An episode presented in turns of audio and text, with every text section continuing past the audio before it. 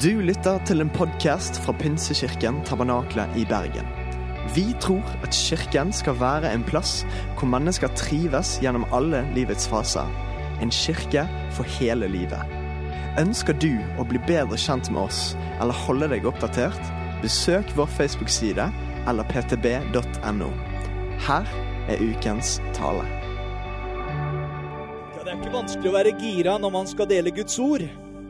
Er dere gira til å ta imot? Ja, det er bra. Veldig flott å se dere alle sammen. Eh, og vi begynner jo å bli vant til sånne bussrader i, eh, i bare Det er litt, litt bredere buss, da, eh, som vi sitter i her. Men det er veldig fint at vi får lov til å samles, og det gleder meg veldig. Og jeg gleder meg til eh, å få lov til å dele Guds ord med dere. Var det noen som var her forrige søndag og hørte om eh, Jonah? Ja, vi har eh, valgt å ta noen sånne gamletestamentlige helter eh, og samtidig dra det inn i en setting hvor vi får lov til å lære av dem, også når det gjelder eh, etterfølgelse av Jesus i vår tid. Og I dag så gleder jeg meg til å snakke med dere litt om en av mine favoritter i Bibelen, og det er Josva. Josva eh, uttales egentlig på hebraisk Joshua. Og du har kanskje kjent igjen det navnet at en annen også har det navnet på hebraisk. Og det er Jesus. Og Josva betyr egentlig 'Gud frelser'. Og det er fantastisk eh, bakbilde å ha i forhold til historien som vi skal se på når det gjelder denne mannen i Bibelen. Det er jo eh, også en av mine favorittbøker fordi eh, Allerede som ganske ung, når jeg kjente at Gud kalte meg til å tjene ham helt, hele livet, så var det et vers fra Josva som jeg fikk veldig spesielt. Og jeg fikk det av mange forskjellige, og, og fikk det liksom som en bekreftelse. Og det er det verset som står i Josva 1,9. Har jeg Jeg har jo sagt deg, vær modig og sterk og la deg ikke skremme. Mist ikke motet, for Herren din Gud er med deg overalt hvor du går. Det var skikkelig herlig å ha med seg når jeg som 21-åring reiste ut for første gang som misjonær alene. Vær modig. Jeg er med deg. Og etterpå så gifta vi oss, og da fikk vi et vers til som har vært på en måte vårt vers. Og det er i siste kapitlet av Josva hvor Josva står med folket og sier, 'Velg i dag hvem dere vil tjene.' 'Men jeg og mitt hus, vi vil tjene Herren.' Og det har også vært noe som har fulgt oss. Og jeg er utrolig glad, og eh, egentlig er det stor nåde at vi får lov til å være sammen, hele familien, og tjene Gud på forskjellige steder. I formiddag mens jeg står her og preker, så er Linda i Knarvik og preker. Og dattera skal preke i Knarvik seinere i dag. Og en annen datter er i Mexico og tjener Gud der. Og sønnen min skal lede lovsangen i Philadelphia og Oslo. Så jeg syns det er virkelig nåde og stort å få lov til å oppleve det at jeg og mitt hus, vi vil tjene Herren. Og Derfor så er jeg spesielt glad i denne boka til Josva. Men Josva han var den som overtok lederskapet etter Moses, og var den som fikk føre israelsfolket inn i løfteslandet. Jeg har lyst til å ta deg litt i historien til Josva etter at de hadde vært inne i nærheten av løfteslandet første gangen. Og så skal jeg ta fem punkter på deg på slutten. Hva kan vi lære av denne historien? Josva han hadde vært inne i Kanan før han nå står her foran løfteslandet denne gangen. Det landet Gud hadde lovet dem 40 år tidligere.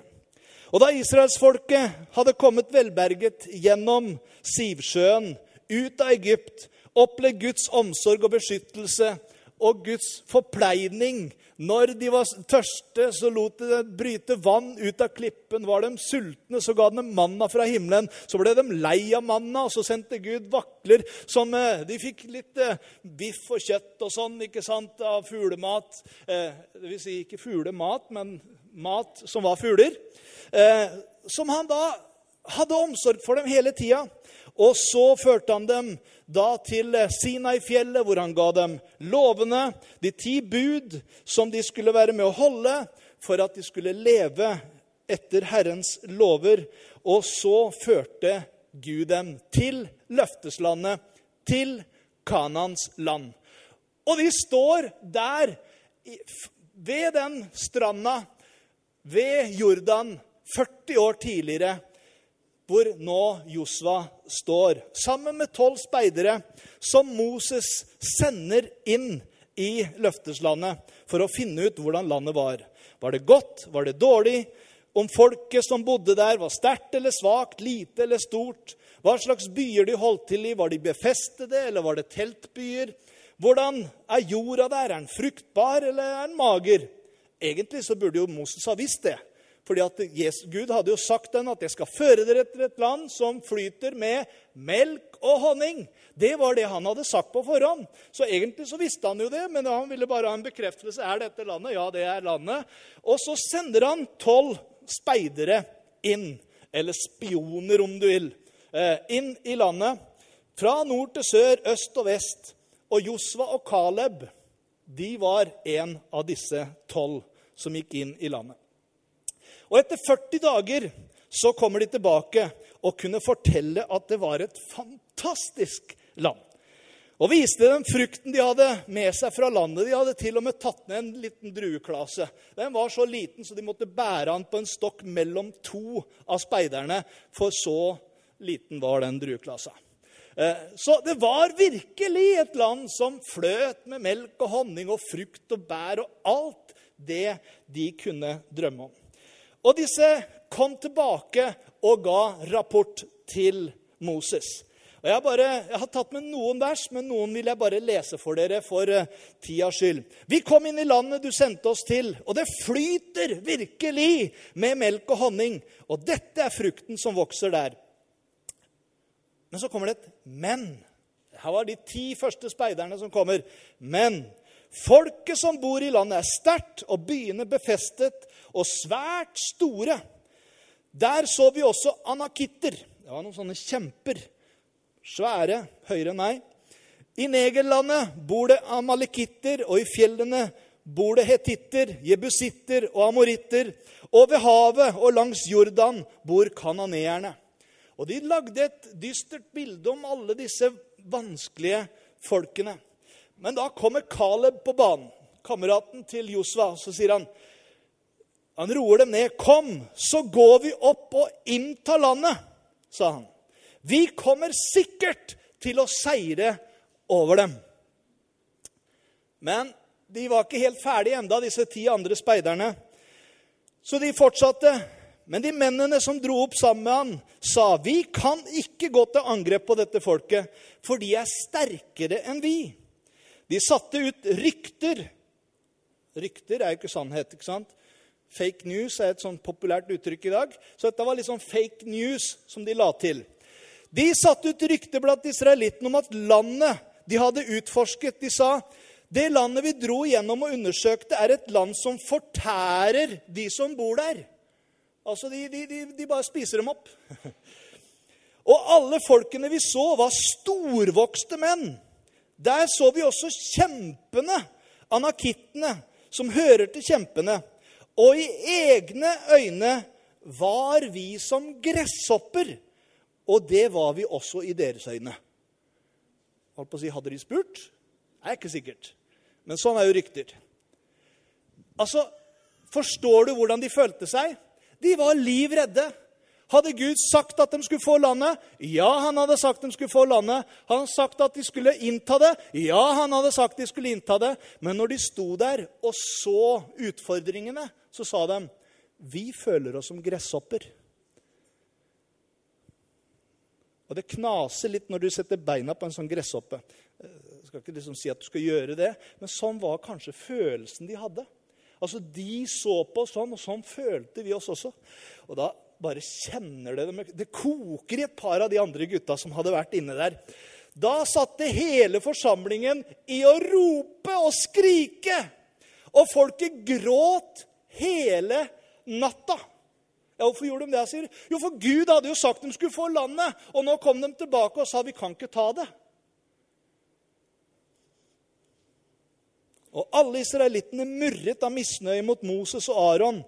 Hadde vi bare blitt i Egypt eller dødd i ørkenen, det hadde vært bedre enn å gå inn der og bli hakkemat av disse kjempene. Men to av speiderne, Josua og Caleb, de ga en helt annen rapport til Moses. De sa det landet vi dro igjennom og utforsket, er svært godt og innbydende land. Om Han har sin glede i oss, fører Herren oss inn i landet og gir det til oss. Et land som flyter med melk og honning. Og hør! Gjør bare ikke opprør mot Herren. Dere skal ikke være redde for folket i landet. De er bare en brødbit for oss. Deres skygge har vendt seg bort fra dem, men Herren er med oss. Vær ikke redd for dem. Det er liksom Hva er sannheten her? Den ene opplevde seg som gresshopper som var ingenting verdt. Men disse to andre, de sier De der Det er et engelsk uttrykk som vi kanskje bruker mer. Piece of cake. Ingen problem. Vi tar dem som en brødbit. Vi bare sluker dem. Hadde de vært på samme sted? Hadde de sett det samme? Ja, de hadde vært på samme sted. De hadde sett det samme. De hadde sett at landet var godt. De hadde sett alt det som var rundt. Men hva var forskjellen, da? Jo, jeg tror at forskjellen var at mens de ti regnet med sin egen kraft og dyktighet, så regnet disse to med hans kraft, som hadde sagt de skulle få landet.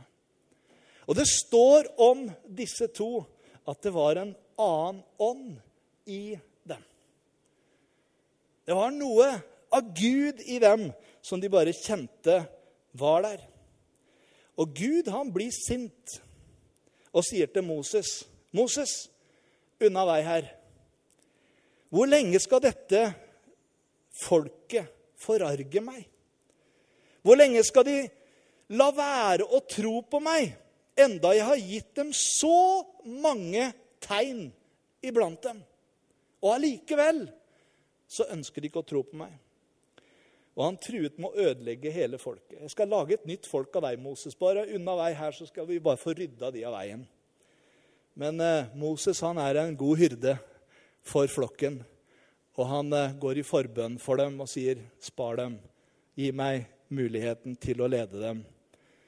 Så han gjør det men inngår en avtale. Slik dere utforsket landet i 40 dager, sier Gud til folket, skal dere nå bære skylden deres i 40 år. Ett år for hver dag. Og dere skal kjenne, få kjenne min uvilje.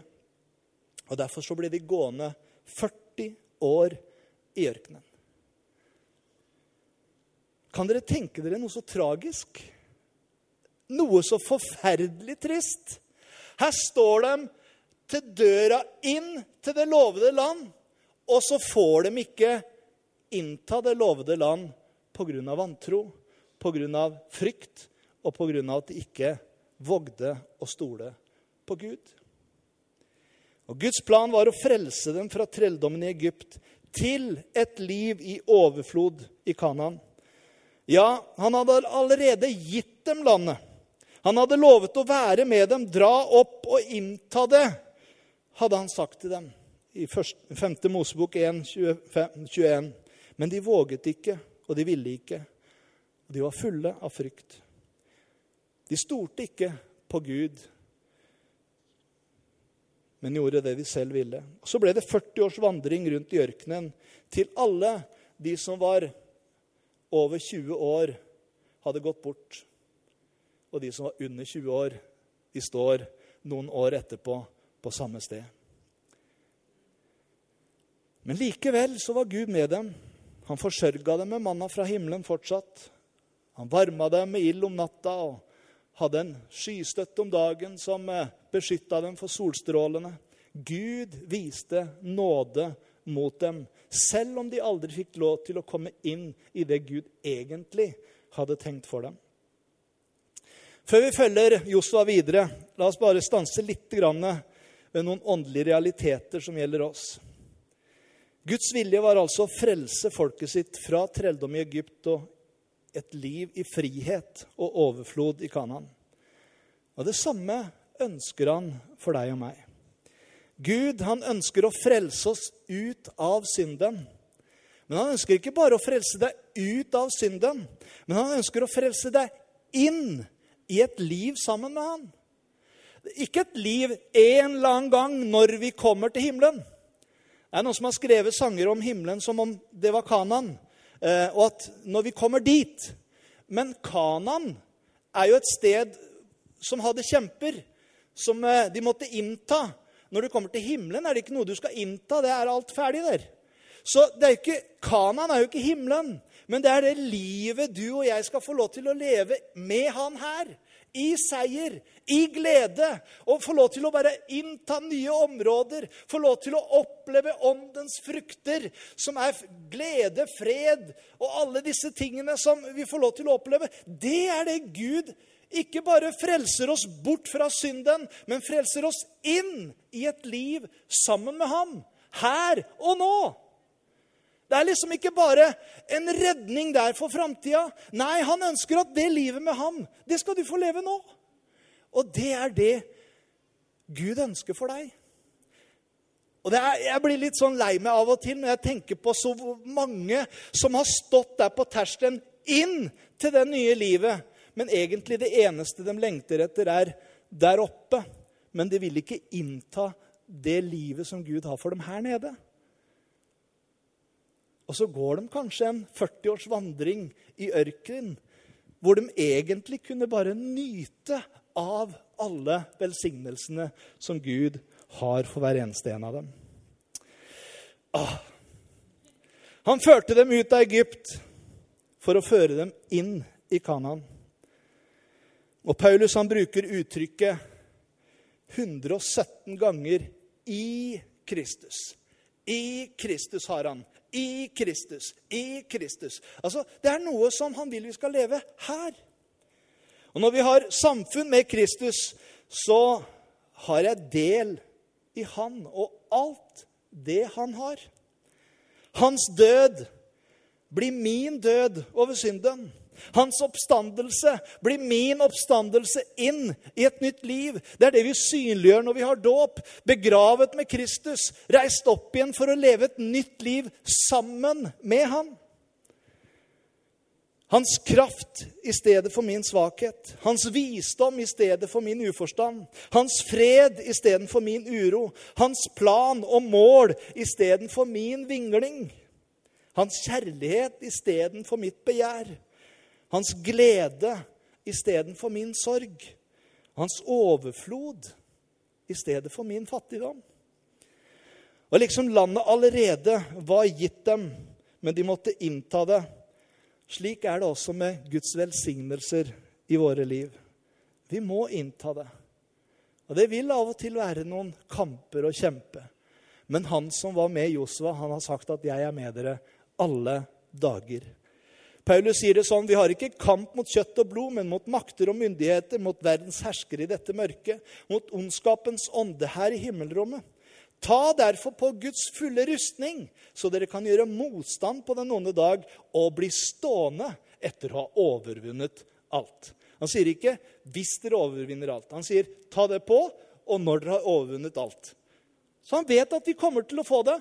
Vi kommer til å seire, for han er med oss.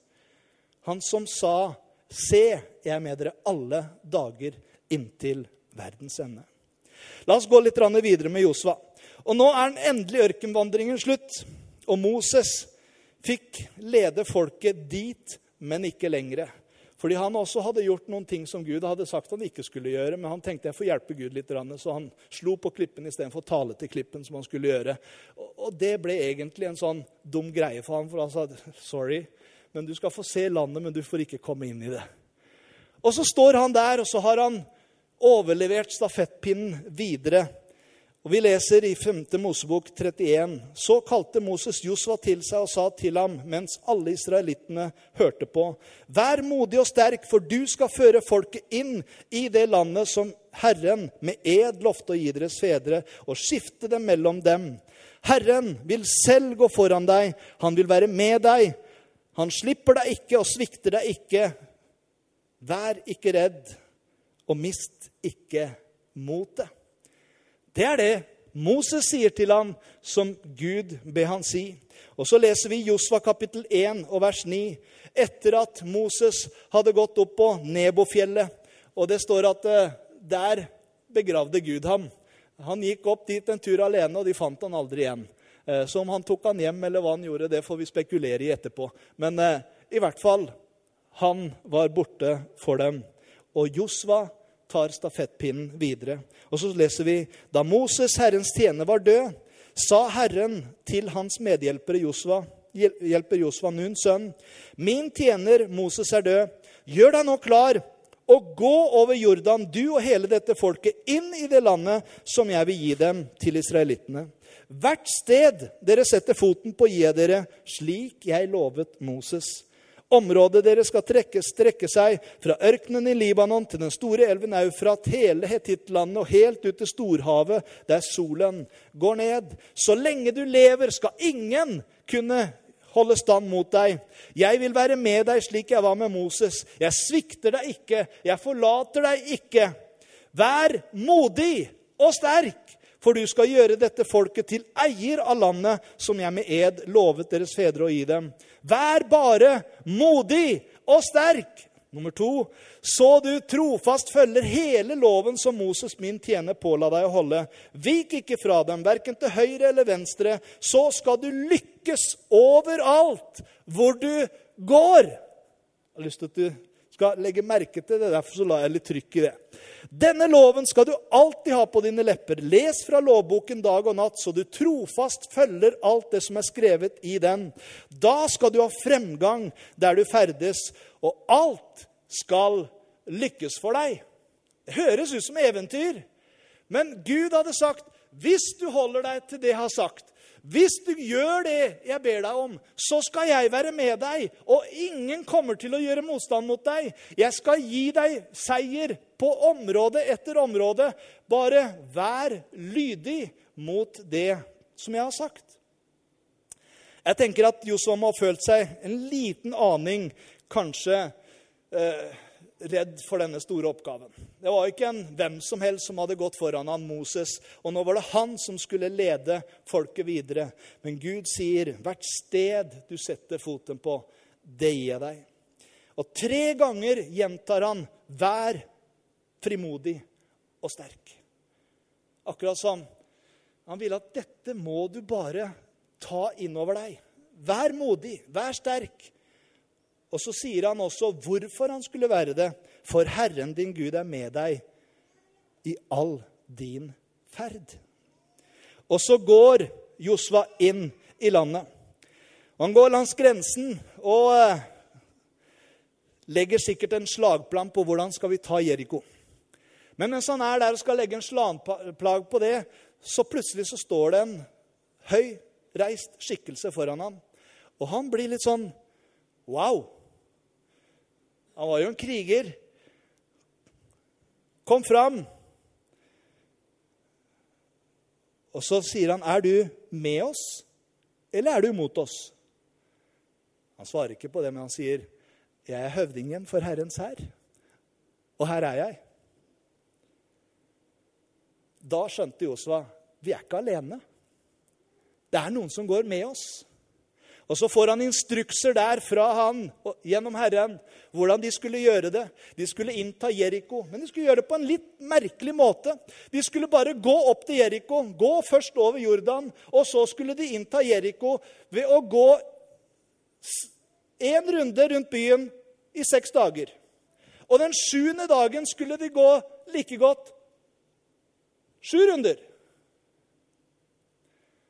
Og så, da? Så skal du se Herrens frelse, sa han. Ja vel. Jeg vet ikke hva du hadde tenkt, men jeg hadde tenkt at det var en dårlig slagplan. Vi skal jo innta landet. Og det står at de murene rundt deg var så store at du kunne kjøre tospann rundt murene i Jeriko på den tida. Det var stor, sterk, befesta by. Men du kjenner kanskje til historien. De fikk lov til å gå ut i vannet. Og Jeg, jeg syns det er sterkt når du ser der. Kvinner og barn fikk være igjen, men alle krigerne de skulle gå over. Og hvordan de gjorde det, er en preken i seg sjøl. Hvordan først paksarken skulle gå ned til vannet. Det står at Jordan gikk over sine bredder på den tida. Altså Det er eh, litt sånn som regntida i Norge, når du ser liksom Råna og alle disse her, eh, svære elvene. De bare flyter overalt. Sånn var Jordan på den tida. Så det var litt eh, altså backflash fra når de skulle over Sivhavet. Og der står de igjen. Og Gud hadde sagt jeg skal stoppe vannet, så dere kan gå tørrskodd over. Vannet renner som bare av det.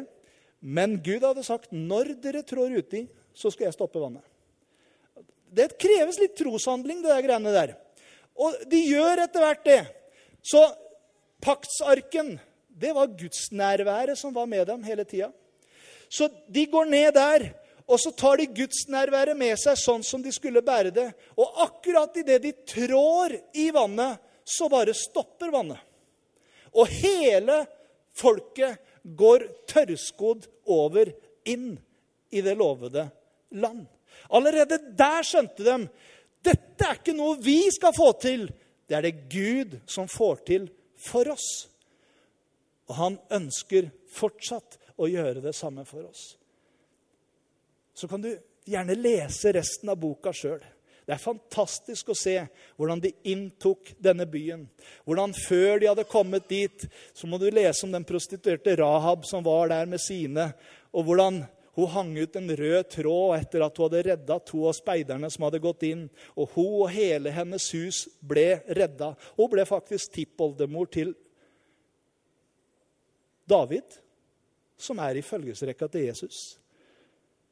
Hun fikk lov til å bli redda med alt sitt hus. Og Så kan du lese om Ai, hvordan eh, en av de som hadde vært med og inntatt Jeriko, tok med seg noe som han ikke skulle, og det ble tap for dem i Ai.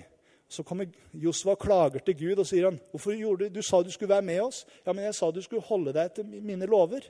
Og så skjønner han det at det, det går ikke an å, å leke med Gud og ikke følge det Gud sier. Og så fikk de et tap, men når de hadde fått ordna opp i det tapet, og det hadde blitt i orden, så vant de seier etter seier, og de inntok 30 forskjellige byer. Og på slutten av hans liv og tjeneste Jeg går direkte dit, for uh, nå har vi brukt tida.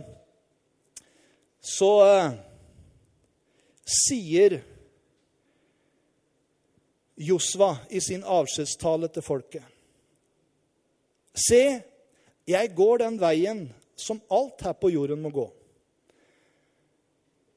Så han var gammel, han visste han kom til å dø snart. Men dere skal erfare av hele deres hjerte og hele deres sjel at ingen av løftene som Herren ga dere, slo feil. Altså Snakk om Guds løfter. Kan vi tro på Guds løfter? Hans vitnesbyrd etter et langt liv var dette.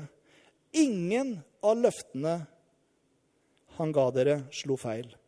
Alt har gått i oppfyllelse. Ikke ett ord slo feil. Det forteller meg om Guds omsorg. At vi kan få lov til å stole på de løftene som Gud gir. De er sanne, og vi kan ta det til oss. Og så avslutter han sin tjeneste ved å sette israelsfolket på valg og sier, så frykt da Herren og tjen ham helhjertet og trofast.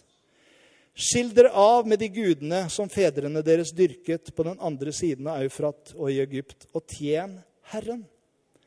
Men hvis dere byr dere imot å tjene Herren, så velg i dag hvem dere vil tjene Enten de gudene som fedrene deres dyrket bortenfor elven, eller gudene til amorittene i det landet der dere nå bor. Men jeg og mitt hus, vi vil tjene Herren. Jeg har lyst til at du skal se fem raske ting som vi har sett sammen nå. Lovsangerne kommer opp. For det første er det at Gud er trofast mot sine løfter. De løftene som Gud gir, de kan vi få lov til å stole på. Det andre er at Gud sier også til oss, vær modig, vær sterk. Vi kan få lov til å gå, ikke i eget overmot. Og det er ikke en sånn å tenke seg til gode ting-greier. Nei, det er å hvile på de løftene Gud har gitt, at de er sanne. Og derfor kan jeg være frimodig og gå på de løftene som han har gitt. Og Det tredje vi ser, Josva 1,8, er at Gud oppfordrer han til å ta vare på Guds ord. Les fra den. Bygg deg opp på den. Hvordan skal du kunne leve dette livet i det løfteslandet Gud har gitt? Jo, ved at du tar til deg av Guds ord. La det fylle deg. Det fjerde hold fokus på Gud. Så lenge de så på paktsarken og gikk etter den, så var det en beskyttelse der som fulgte dem. Guds nærvære, det er et viktig del av gudslivet. Og hans nærvær har sagt at han vil være med oss. Han sa det når han ga dem misjonsbefalingen. Og se, jeg er med dere. Jeg er med dere alle dager. Og det siste er at Gud, han ønsker å gi oss seier over problemene som vi står over. Jeg vet ikke hva dine problemer heter. Jeg vet ikke hva ditt Jeriko er, eller hvordan det ser ut. Men jeg vet at han som var med folket til å innta det landet, han ønsker også å være med deg og innta de områdene som er vanskelig for deg. De som han har gitt løfte om. Du som ber for dine som ikke er frelst. Hans løfte er du og ditt hus skal bli frelst. Ta vare på de løftene. Bare bygg deg opp på de løftene. Takk Gud for de løftene, og takk Gud for at de snart vil komme til ham og bli frelst. Ikke tenk hvordan du skal gjøre det, men hvil i Han, i hvordan Han skal gjøre det. Historien til Josva handler ikke om en stor kjempe som hadde store muskler og kunne gjøre det selv, men det handler om en mann som stolte 100% på Gud, og hva han kunne få lov til å gjøre gjennom sitt folk.